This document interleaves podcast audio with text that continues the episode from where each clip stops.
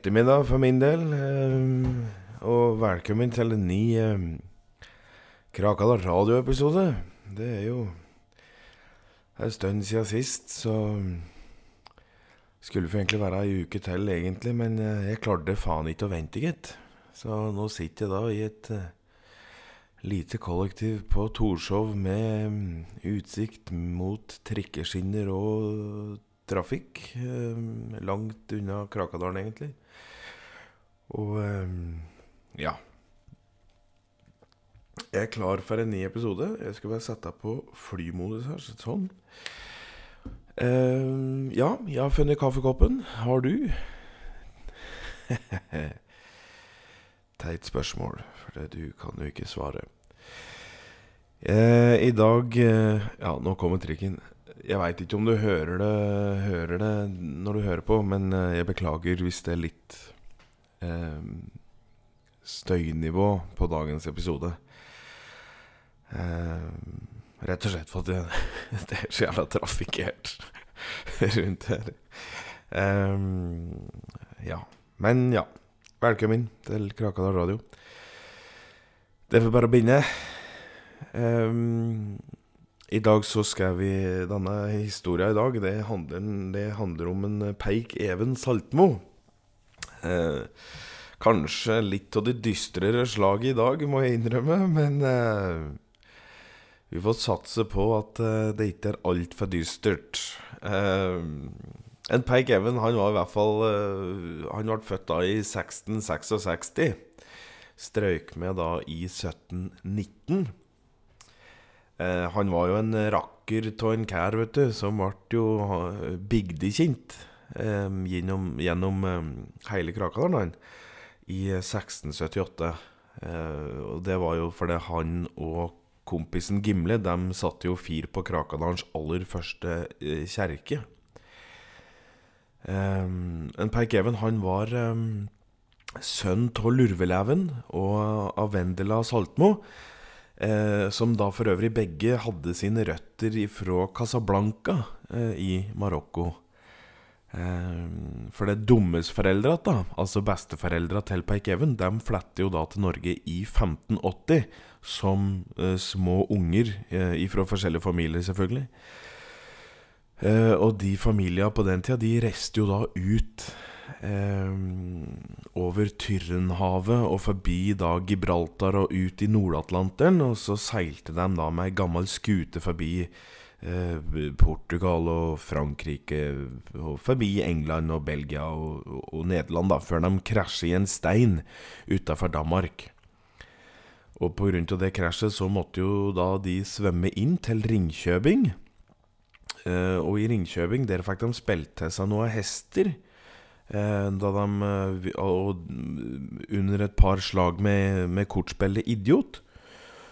Og de hestene som de vant, de bitte de bort eh, etter hvert, slik at de fikk ei reise med båt eh, fra Skagen eh, til Uddevalla. Eh, og derifra da brukte de beina og vandret opp forbi eh, Nøssemark og Tøkkfors, Skillingsfors, og før de da passerte norsk grense da og vandret videre opp mot Finnskogen via Matrand og Austmarka. Eh, Peik Evens foreldre Lurveleven og Vendela de fikk jo norske navn da de kom til Finnskogen i, eh, i 1580. Eh, og det var jo fordi at det var noen språkmisforståelser eh, som gjorde det slik at noen av de lokale innbyggerne de bytte til seg unga eh, som kom, imot tre liter melk og husrom for sju netter. Så mens alle unga som kom med gjengen da på tolv fra Marokko, de ble stuet inn i hver sin familie. Mens da de, de foreldra de, de måtte nøye seg med ei varm stue i sju netter før de da ble bedt om å snekre sine egne hus. Men det var intet problem for dem, naturligvis. Men eh, de bygde jo litt med sorg da de innså det at de ikke skulle få lett unga sine eh, få bo med dem. Og noen sier så det var helt greit at de slapp det ansvaret da for unga sine. Det var jo ikke alle som var like fornøyd med de unga de hadde fått, så de eh, så det kanskje litt slik da at det var høyere makter hadde gitt dem litt nye muligheter om en kan si det slik. Så mm, Lurveleven han fikk bo hos familien Saltmo, som oppkalte guttungen da etter katta som de akkurat eh, hadde slått i hjel. Og eh, Vendela hun endte opp i familien Smitorp og fikk da navn etter ei fattigkjerring borte på fattighuset. da, For det øh, Hun fattigkjerringa sjøl, som da heter Vendela, hun syntes at hun hadde så fint navn. Så det uh, sa hun da øh, at det kan da hete til familien Smitorp. Så da ble det slik. Um, uansett, da, så ble Lurveleven og Vendela kjent eh, ved at de begge jobber i skogen med trelast. Eh, bygda hadde da fått tak på en ny sag, og det var jo da av disse nye oppgangssagene som var så jævla populært på den tida. For den hadde jo da gjort sin entré da, i den norske trelasthandelen. Og den saga den skar ikke bare på tvers, men òg på langs, om en da hadde hjelp av et vannhjul. Ja, og eh, på, akkurat da på Krakadalen så, så, var det jo vannhjul. Så på Krakadalens vannhjul så jobber Lurveleven og Vendela. Eh, og det gjorde de da fra de var 12-13 år gamle, og nesten livet ut, da. Så der vokste de opp sammen og, og, og ble forelsket da, og fikk seg unger. Og den, den, første som kom, det var en Per Eilev. Han kom i 1607. Og så kom Pia Eline i 1609, og Eva Pernille kom da i 1614. Og var full egentlig etter planen den siste de skulle ha til unger. Så når Eva Pernille eh, kom, så var jo både Lurveleven og Vendela henholdsvis da 36 og 35 år gamle. De levde noenlunde brukbart, heldigvis, eh, og det var pga. god kornproduksjon og at trelastsalget da gikk unna. Eh, for akkurat da så hadde jo Vendela og Lurveleven tatt over sagbruket og trelasshandelen i Krakadalen. Så de levde greit. Så i, eh, i 1665 da, så legger Lurveleven og Vendela opp trelasshandelen og lett unga ta over. Og unga er nå på den tida der godt voksne, og de har jo ikke bodd hjemme på lenge, så ja. Og det som da skjer, det er jo at som pensjonister vet du, så kjeder jo Vendela og Lurveleven seg. Så de eh, koste seg da, så ofte de kunne. Og med kos så kommer det konsekvenser. altså For den kosen det skulle jo da resultere i at en Peik Even da, han kom litt overraskende ut tur sin 87 år gamle mor på en tolværsdag i juli 1666. Juni, mener jeg. Nei, juli. Juni? Nei, faen, jeg var usikker, gitt. Uh, fødselen den var dessverre litt for mye for Vendela å takle, så hun uh, døde i barselsenga. Uh, og karen hennes, Lurveleven, han hadde jo nesten mistet både syn og hørsel på de siste åra, så han forsto jo svært lite da han kom inn med en kopp brenneslete til sin kjære fru, og hun lå der død. Og det med da en liten skrikende baby liggende mellom beina.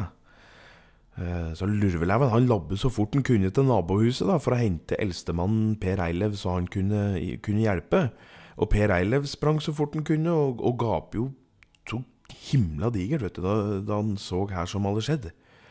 Og han sprang da ut igjen og fant sauesaksa, kløpte navlestrengen av guttungen og pakken da gatt inn i et ullpledd og, og ga ungen så til sin far og sa Gratulerer, pappa, jeg håper denne er din.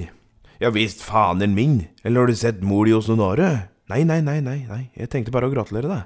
Ja, tenk det du, Per Eirik, at far din var på 88 år fortsatt har gylne og sprellende sædceller, mens du som nå har blitt 59 faen ikke har noe annet enn død og elendighet i produksjonsposen din. Det er skammelighet. Ja, det var fars harde ord til sin sønn, kan du si, ja. Ja, men du veit, jeg hadde hatt unger om jeg hadde hatt noen å sette unger på, svarer han Per Erlend da. Jeg sa du. Du veit jeg hadde hatt unger om jeg hadde hatt noen å sette unger på. Hører ikke hva du sier nå, sa lurveleven, og så tok hun ungen på ermen og, og bar med seg inn igjen i huset. Han fikk eh, Kisteberg Pedersen til å komme og hjelpe til, slik at han fikk Vendela ut ur huset. da. Hun begynte å lufte etter hvert, vet du. Og så sørge for at uh, hun òg fikk en fin begravelse. Uh, Kisteberg Pedersen han var med Eva Pernille, Pia Eline og Per Eilev, og så barn Vendela til sitt siste hvilestelle. Mens Lurveleven han bar på lille Peik Even. Kisteberg Pedersen sang en uh, sang før han lot av familien sørge i fred. Men det var ingen sørgelig dag da Vendela ble gravlagt. For alt fokuset det lå jo på lille, nyfødte Peik Even. Alle ville hilse på han, og alle syntes det var triveligere da å tenke seg positivt på det som hadde skjedd. Vendela vet du, hun var jo gammel og kunne jo døve når som helst uansett, tenkte de. Men at de skulle få en ny bror, det var jo det, var jo det nærmeste de kom et uh, mirakel, da. Eh, og det syns jo òg Lurveleven, så han tok jo godt vare på den lille guttungen. Peik Even han skulle få lære seg livet på egen hånd. Eh, dog skulle han nok få litt veiledning om han ba om det. så han laga sin eh, første måltid allerede som toåring. Han. Da han farte rundt i skogen, da, så jagte han på bueormer og tusenbein. Og dem, dem han fant, dem tok han livet av, og så stekte han dem på bål og, og åt dem. Høggerm med rips attåt, det var noe av det likeste han visste. Og sjæl far hans vet du, var jo imponert når guttungen serverte rådyrtunge med møltebert på 90-årslagen hans. Du veit, det var jo faen ikke mange toåringer som fikk til den slags på den tida. Ikke sikkert han får til det nå heller, om, jeg, om jeg tenker etter. Men uh, en Peik Even var spesiell, vet du. Så han var ofte hjemme hos uh, tanten sine, da, og, og, og, og søstre. Og og de lærte han å, å, strikke og brodere. Han lærte å hogge ved og lage såpe og jakte elg. Og de var jo mye flinkere til å lage mat, så han lærte seg jo mye mer av de da enn, dem, enn det han lærte av bror sin, da, f.eks. Per Eilev. For, for, Per Eilev han, han, var nok det som i dag vil, vil defineres som en eh, eh ensom ulv. Han hadde jo ingen venner, ingen kjærester. Han han holdt seg for det meste hos seg sjæl, og, og, var ofte hos far sin og drakk kaffe og preket tull. Ja, så, og når unga da tok over trelasthandel, så så var det jo søskna til Per Eilev som holdt det gående, da.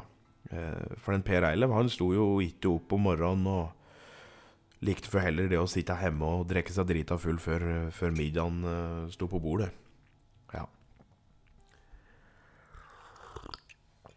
Mm. En uh, Peik Even han møtte da sin venn Gimle Erik da han var seks år. De møttes i skolegården en uh, sein høstdag, da Peik Even ble vitne til at noen gutter sto og slo løs på en Gimle. Men da tok en Peik Even fram vandrestokken til læreren sin, og så gauv han løs på gutta. Han slo dem ned, én etter én, og da alle tre lå på bakken med hver sin kul i panna, da tok en Peik Even hånda til en Gimle og sa Morn, morn, jeg heter Peik. Morn, morn sjæl, jeg heter Gimle. Egentlig Gimle-Erik, men alle kaller meg Gamle-Erik, da, så kall meg heller Gimle bare, du, sa han Gimle da. Å fytti søren, så dumt, du er jo ikke gammel engang, sa han Peik Even, og så lo han da, vet du, like en klungende barnelatter, vet du, så. Gimle derimot, han gikk i seg sjæl og funderte litt på hvorfor det var slik at han kalte han Gamle-Erik da han ikke var så gammel. um, Peik og Gimle de skulle jo bli bestekompiser. De, de hang med hverandre hele tida. De uh, jakte rådyr sammen, de stekte stålormer sammen, de kastet kniver sammen, bygde trehytter, smaka de første brennevinsdråper og skreiv dikt sammen. De vokste opp til å få en eh, fascinasjon av flammer, faktisk. Eh, intensiteten som da er i en flamme, altså det at den er både varm og, og ikke minst farlig, og, og, det at eh, en flamme da kunne spre seg så, så hurtig. Eh, alt som var med flammer og ild, det, flammer og ild, det er for faen samme tingen. Ja ja, alt som var med ild. Det, det, var spennende, syns Peik og Gimle. Og sankthansaften da, i 1678, da hadde gutta bygd et digert sankthansbål på 2,5 meter.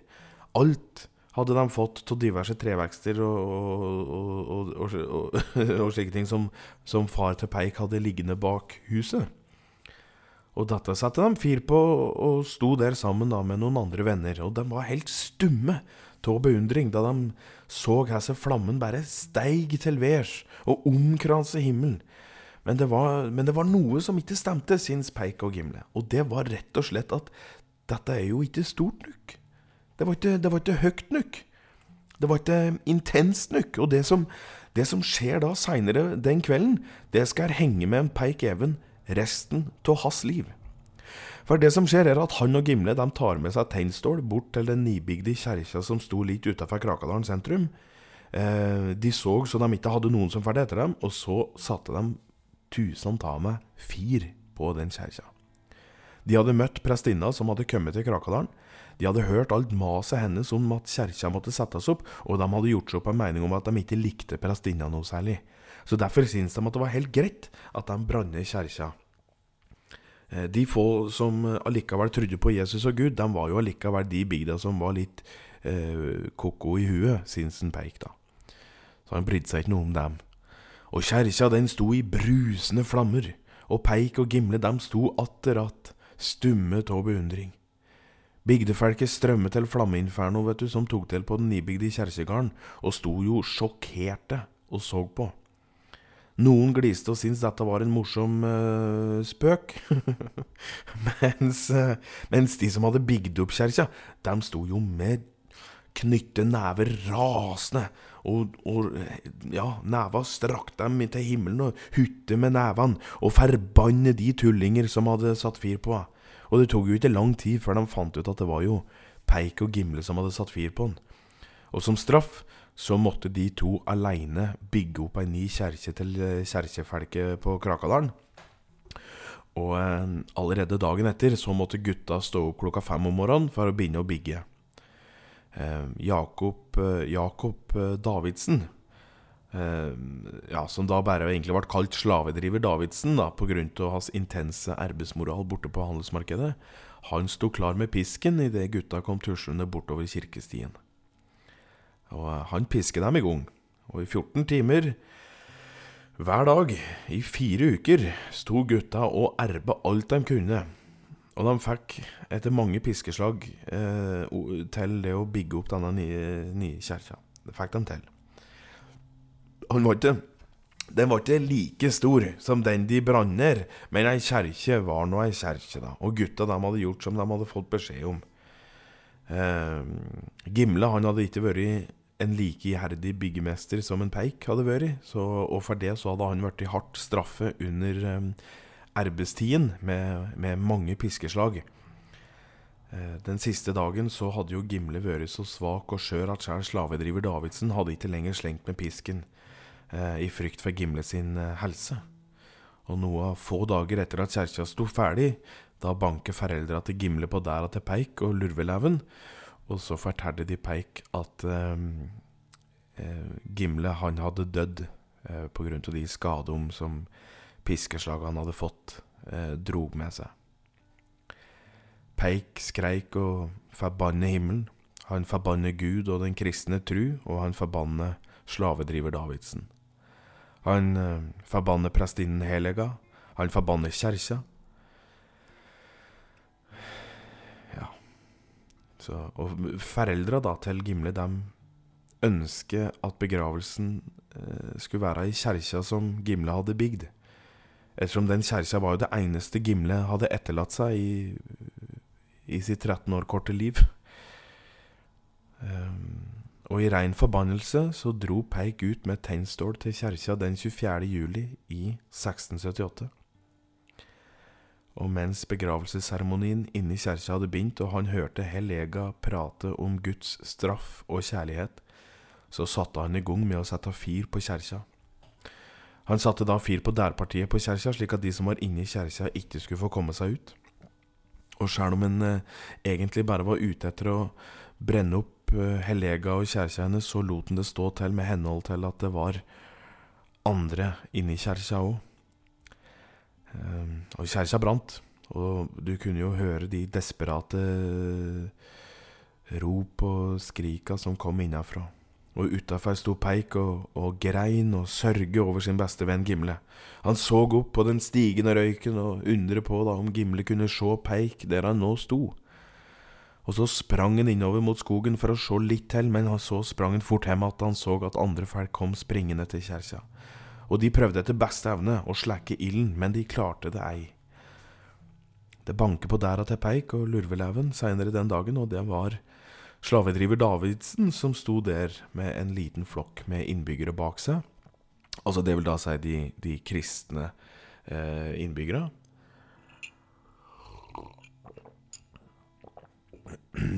Hvor er gutten din? spurte Davidsen. Han er potteten min? Svarte lurveleven, for han begynte å bli jævla tungert, han nå, vet du. Nei, gutten din! Hen er gutten din?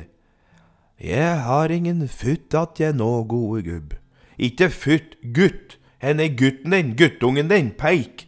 Ja, futten min er veik, den er riktig veik, den nå, men det går bra med meg. Enn med deg?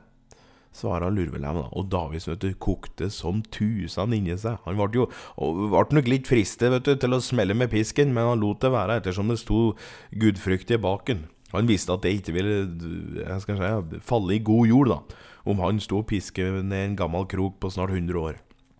Og Peik han kom da bort til der og spurte her som var problemet. Og da slavedriver Davidsen lurte på om han hadde vært hjemme hele dag, så svara Peik at ja, det hadde han vært. Så du har ikke vært i, kameraten din sin begravelse i dag? spurte Davidsen. Min sorg er for stor til å ta avskjed allerede nå. Lot samvittigheten din deg få lov til å reise dit? spurte Peik. Davidsen knyttet neven og ble smal om kjeften. Han så ned i bakken før han da sa Så du har vært hjemme hele dag? Jeg har vært hjemme med far min, og vi har skrevet dikt, svara Peik. Og Davidsen han lot det svaret få være siste ord. Han snudde seg, tok med seg den lille Jesusflokken, og så gikk de. Um, I 1683 så døde jo far til eh, Peik, ja, altså Lurveleven. Han døde 105 år gammel. Peik tok over huset alene. Han var da eh, 17 år gammel og jobbet stødig med sine søstre med, med trelasten. Og han jobber der hans mor og far hadde jobbet for så mange år siden, nemlig da på vannhjulet som drev denne oppgangssaga. Bror hans tok sorgen etter sin fars bortgang så tungt at han forsvant eh, fra Krakadalen like etter juleseremonien de hadde, og ingen så han noensinne igjen. Eh, Peik hjalp søstrene sine i hjemmet deres. Han fikk eh, hjelp av dem i sitt eget hjem, og, og, og slik var livet hans ganske lenge. Rolig og stødig. Men så, i 1688, så møtte han Trond Skamlaus. Trond var en eh, fæling til å drikke og en jævel til å stjele. De møttes da under en årlig auksjon de hadde da i Krakadalen, der de ga faen i å melde seg på budrunder, men gikk da heller bak og stjal det de hadde lyst på. Eh, det viste at de hadde interesse for de samme tinga, og da begge hadde lyst på et brennevinsapparat og ei hestekjerre som sto klar til salg, så tenkte de at det ville jo vært bedre om de bare flette sammen og, og, delte på det de stjal. Og, og, med det så ble jo de samboere. Og en vinterdag da, det påfølgende året, så var det da en vandreforhandler som eh, dro rundt da med diverse varer til salgs i Krakadalen på, i ei kjerre. Og dessverre så hadde hjulet til kjerra hans gått ad undas. Eh, slik at han kom seg ingen vei, så han sto inne på skogen og visste jo ikke sine arme råd.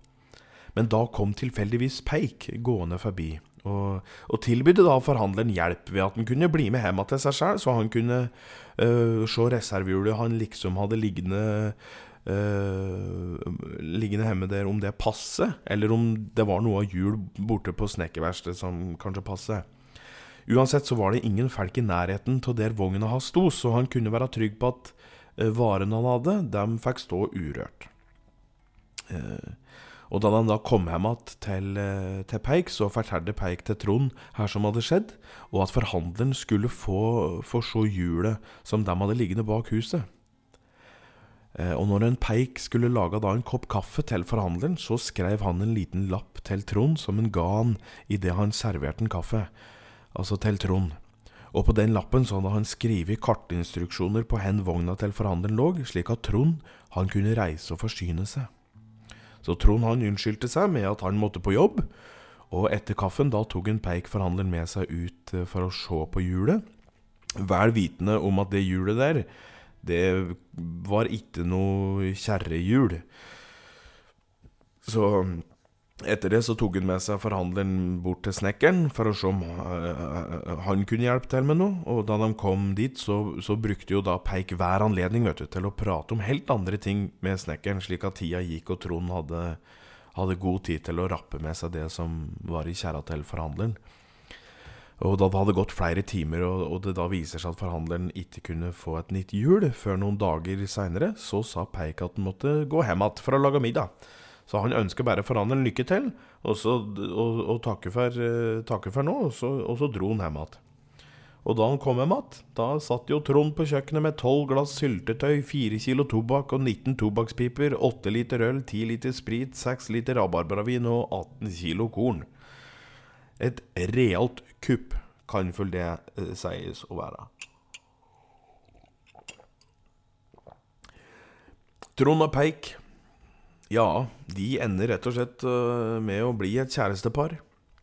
De trivdes godt i hverandres selskap. De hadde samme interesser.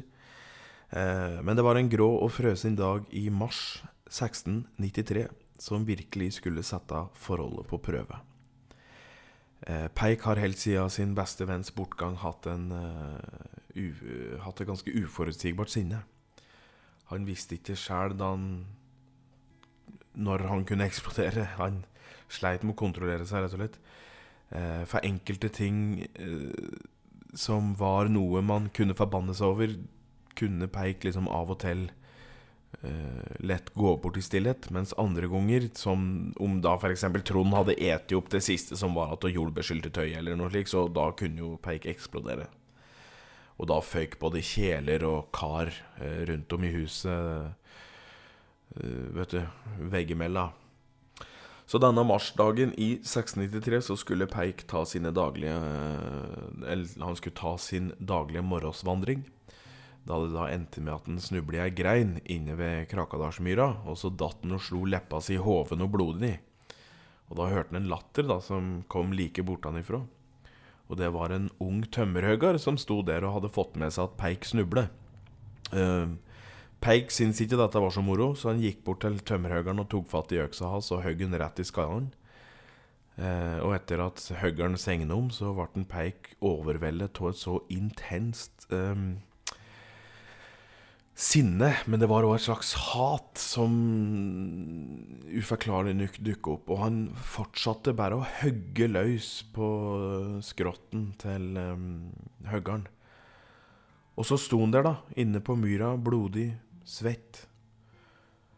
Og så begynte han å grine. Og da satte han seg ned ved høggeren han hadde slått i hjel, og så begynte han å synge en sang. Eh, og denne sangen eh, skal jeg synge for deg nå.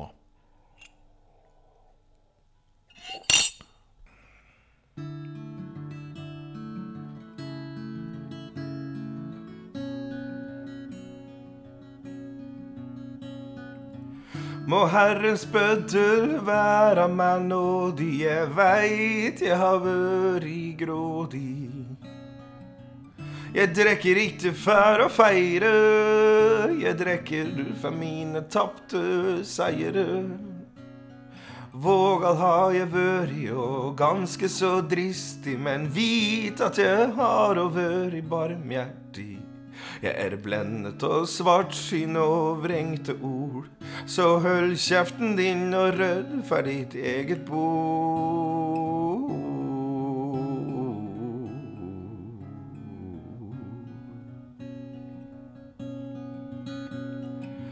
Jeg var ikke forberedt på den slags savn. Etter å kjenne min mors gode og varme favn. De lot meg synke med min venn innestengt. Han døde der han var, men hans visdom har jeg trengt. Min far skjønte lite, og han ba meg om mye rart. Vanskelig var det når jeg aldri fikk forklart. Så klandre meg ikke for min uforstand.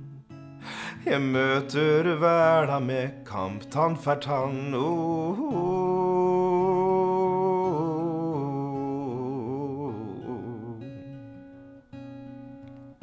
Så klandre meg ikke for min uforstand. Jeg møter verda med kamptannferd tann. Så klandre meg ikke for min uforstand.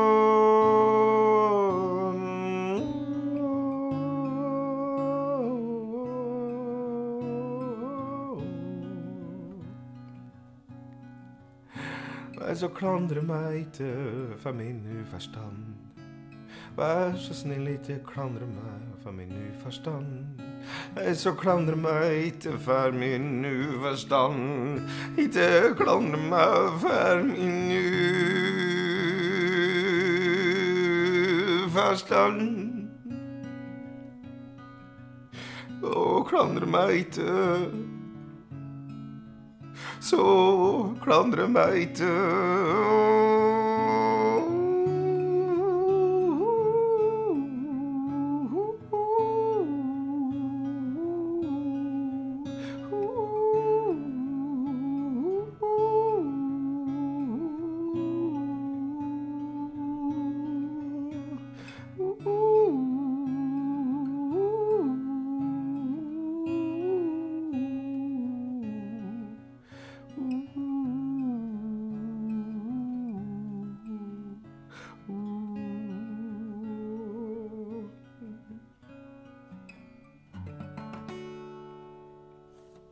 Ja, ja.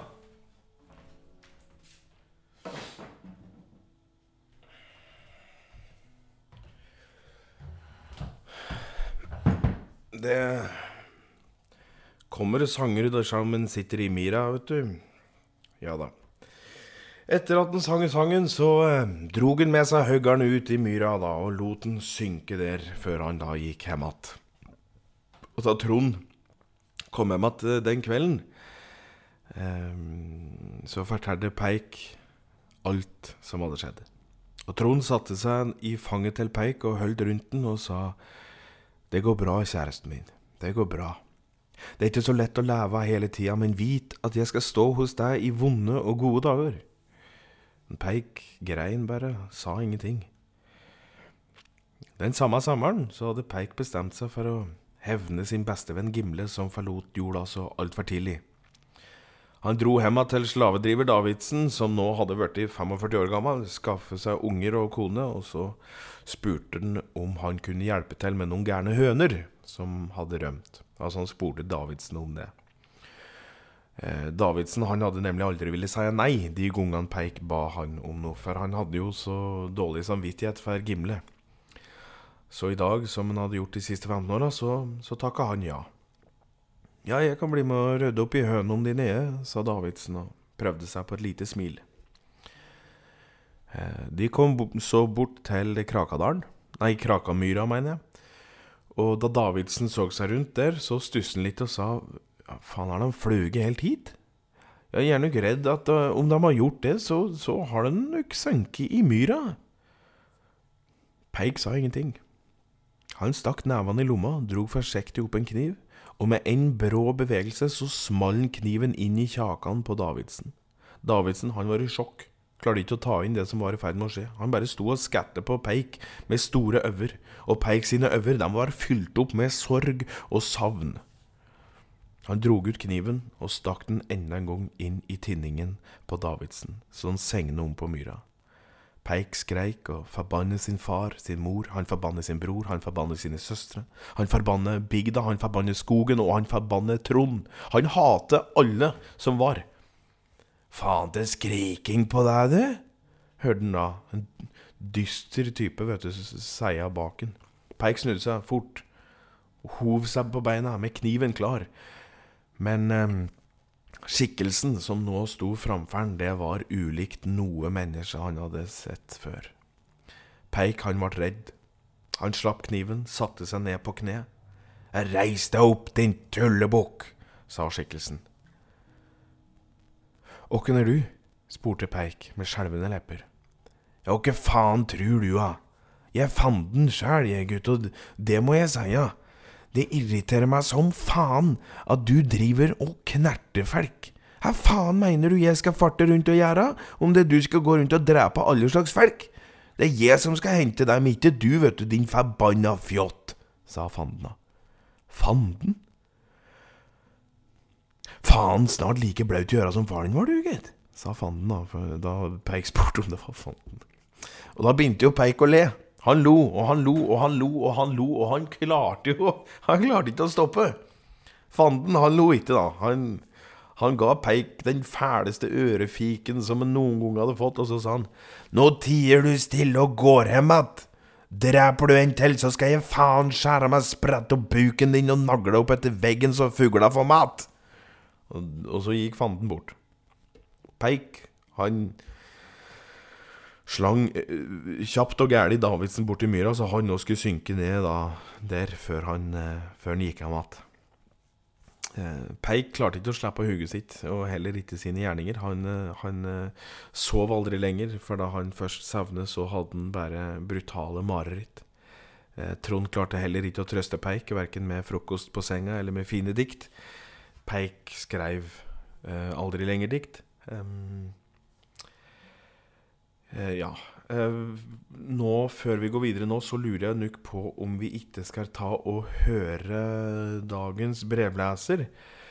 Eh, altså Peik Evens sitt brev. Eh, det var det ingen ringere enn odølingen Jonas Strand Gravli, faktisk, som eh, fant. Eh, og dette fant han da han gikk tuslende bort Solørvegen fra Odalen til, til Solør. Og eh, for han gikk der og og uh, samle på Han samler gæren mye på en småstein, den Jonas, før i tida. Så han gikk Solørvegen og plukket stein. Og da uh, Plutselig var det en diger stein som han fant, og den uh, løfte han på. Og da fant han jo faen tusen meg brevet. Og dette brevet det tok han vare på. Dro til eh, den lokale radiostasjonen og fikk spilt inn. Dette var iallfall i 1914, kanskje? 1915. Det opptaket har jeg fått tak på, så uh, før vi går videre nå, så skal du få høre Peik Even sitt brev, lest opp av Jonas Strand Gravli.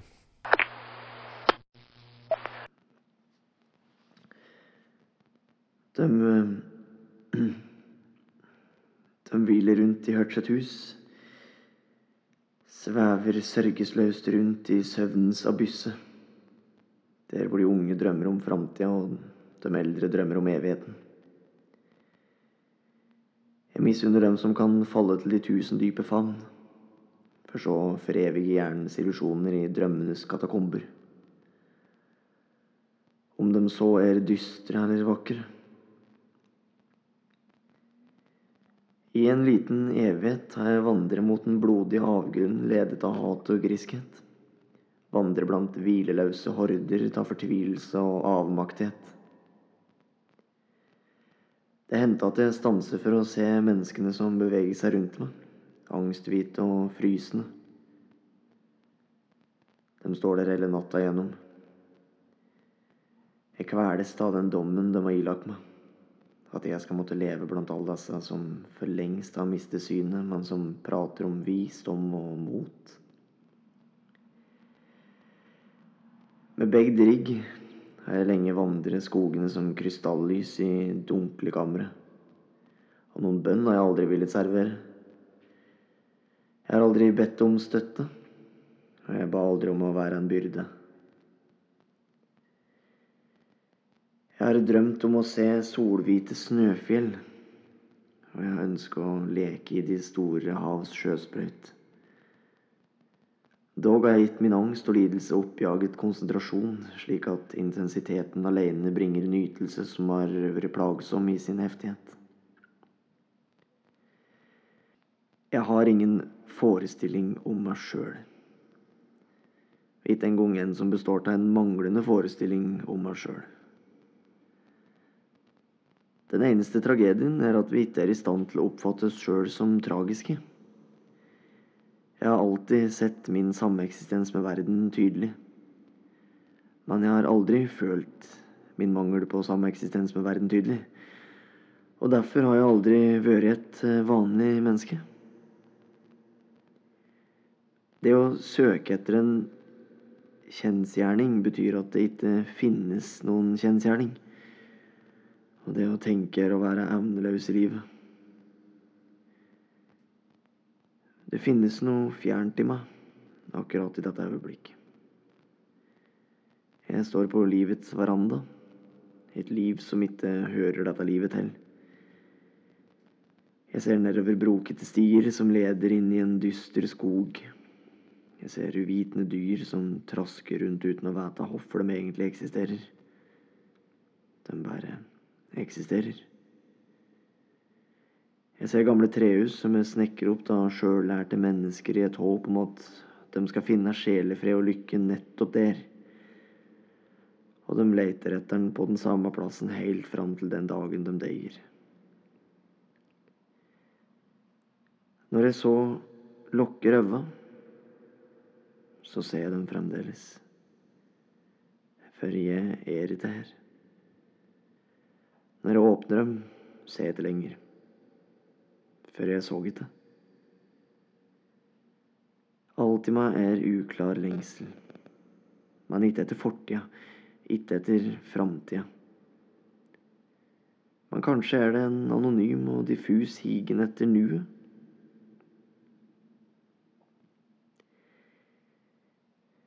Jeg ba aldri om dette livet, og livet ba nok heller aldri om meg.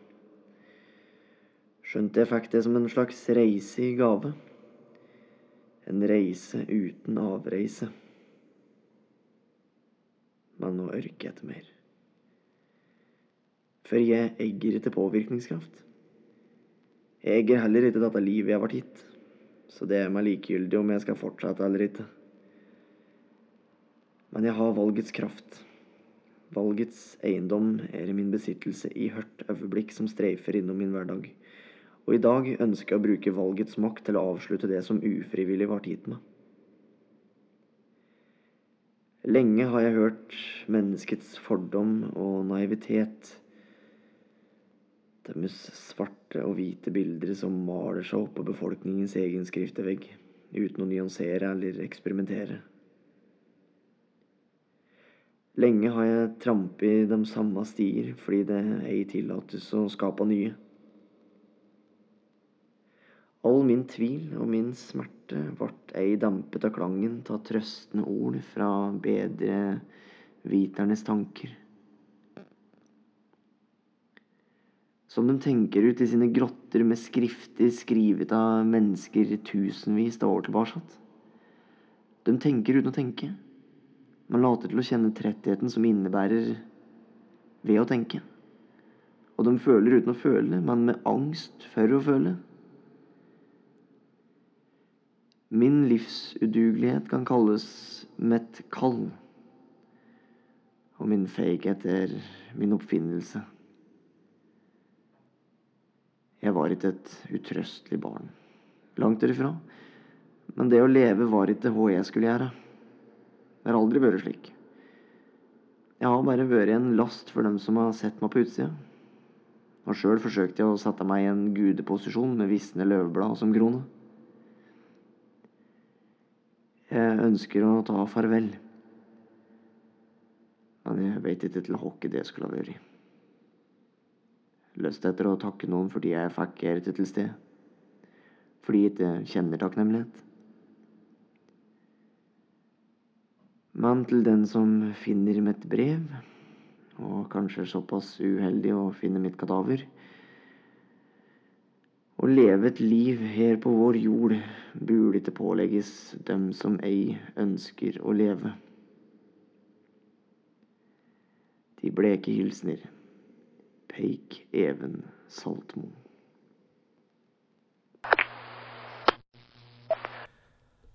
Ja, det var en Jonas Strand Gravli, det, gutt, som leste brev. det var um, dystre ord fra et dystert sinn, kan du si.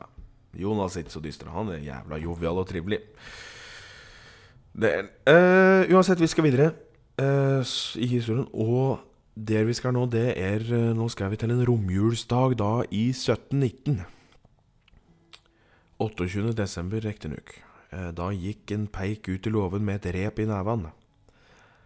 Han som du hørte, han erker ikke mer til livet. All den jævelskapen han hadde bidratt til, altså rane gamle folk, drept to stykken, svindle flere i bygda, han hadde brent kjerker. Det går òg vandrehistorier om at han bedro Trond med, med, andre folk, men det, er det ingen, men det er det ingen som veit, da, helt sikkert. Så det, vi trenger ikke å skrive det i stein. Uh, for Peik, han var det Han var jo en skjør sjel, da, som ingen helt riktig kjente godt, uh, forutenom Trond. Hans søstre dem hadde ikke preket noe mer med Peik etter at han da i 1693 hadde vært mer og mer innesluttet, liksom. Peik, han klarte ikke mer. Han, eh, han hadde skrevet på et bitte lite brev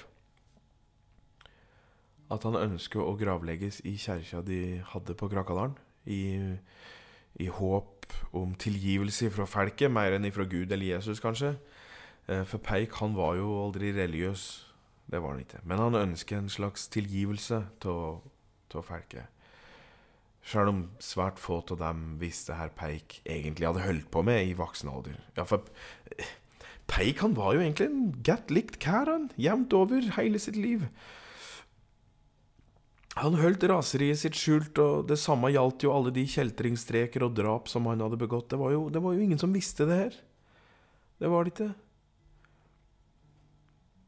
Eva Pernille, hun fant lillebroren sin, da. Hengende i låven 28.12. i 1719. Og for den overtroiske personen, da, så kan man kanskje stusse litt på selve dødsdatoen til Peik. 28 12 19 28. i 12. 1719. For om du da går i Esekiels bok i Det gamle testamentet og slår opp eh, paragraf 28 eh, vers 12-19, så dukker jo dette her opp. Så sier Herren Gud, du var fullkommenhetens seil, fullt av visdom og skjønnhet. Du bodde i Eden, Guds hage, og var dekket av alle slags edelstener. Rubin, topas og diamant.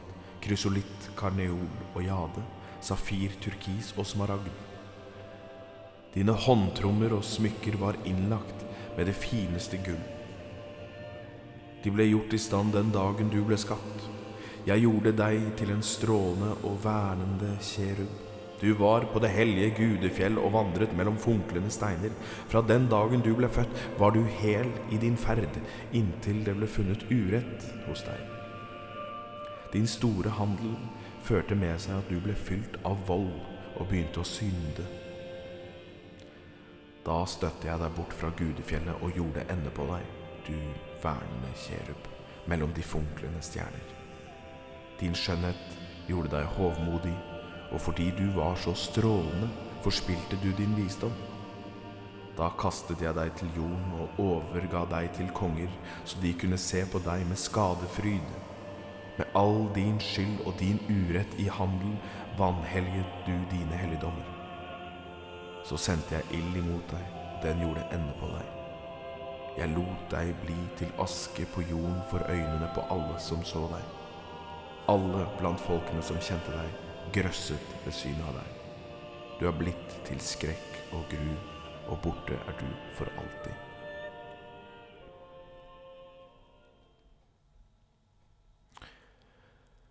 Og noe mer enn det er det ikke noe vits i å si om en Peikeven Saltmo. Slik ender rett og slett historien hans. Eh, ja. Så um, ja. Jeg vet ikke om jeg skal si. Det er um, Ja. det er uansett, tenker jeg um, Nå skal jeg være litt lik Faen skal jeg si Nå skal jeg være litt lik uh, Slik jeg ikke liker, skal jeg være nå. Og det er at jeg bare tenker eh, For jeg har sett det at uh, det, er så virkelig takknemlig for så, at så mange hører på. Det er jo så moro. Eh, men det som er litt moro, er at jeg òg har vært inne på topplista på den podkast-topplista opptil flere ganger. Eh, det hadde vært moro å holdt seg der, hvis du skjønner. Så eh, hvis du som lytter liker det du hører, eller ikke liker, det spiller virkelig ingen rolle. Du kan gi meg dårlig, stjerne, dårlig rating, eller hva faen det heter, eller, eller gode. Gjør som du vil. Men er, jeg blir utrolig glad hvis, hvis, det, hvis det For det er noen vurderinger på den iTunes-greia som man blir Ja. Rett og slett. Du veit hva jeg mener. Du, du, klikker inn, gir fem stjerner eller én stjerne eller alt imellom. Det spiller ingen rolle. Men jeg blir kjempeglad hvis du, hvis du gjør det, eh, for det hadde vært litt eh, Jeg syns jo det er moro når, når eh, disse historiene her får ligge synlige for den allmenne hop. Uh, utover det så har jeg òg laga en Facebook-gruppe utrolig nok. Jeg har jo misforstått litt. Jeg har vel egentlig prøvd å lage page, som det heter. Eller side, som det da er på norsk. Eh, Dreit meg ut på det, lagd en gruppe. Jeg kommer nok til å lage en page når denne episoden her er lagt ut. Og så prøver jeg kanskje å overføre da de som er i gruppa, dit. Eh, ja.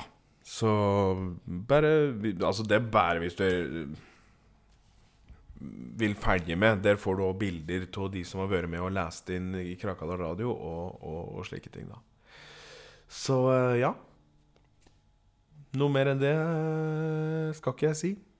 Jeg vil bare si ja, takk for i dag. Jeg vil takke Jonas selvfølgelig for at han har vært med og lest i dag. Det setter jeg veldig stor pris på. Og så høres vi neste uke. Da i en litt mer eh, ikke så trafikkert leilighet. Yes, det er helt riktig. Det er faen meg ny leilighet på Jørgensrud. Det gleder jeg meg til. Mm, en megakul dag. Ha en kjempefin uke. Ja, jeg mener det faktisk. Ha en kjempebra uke. Ta vare på de du er glad i. Og med det så sier jeg takk for i dag. Ha det.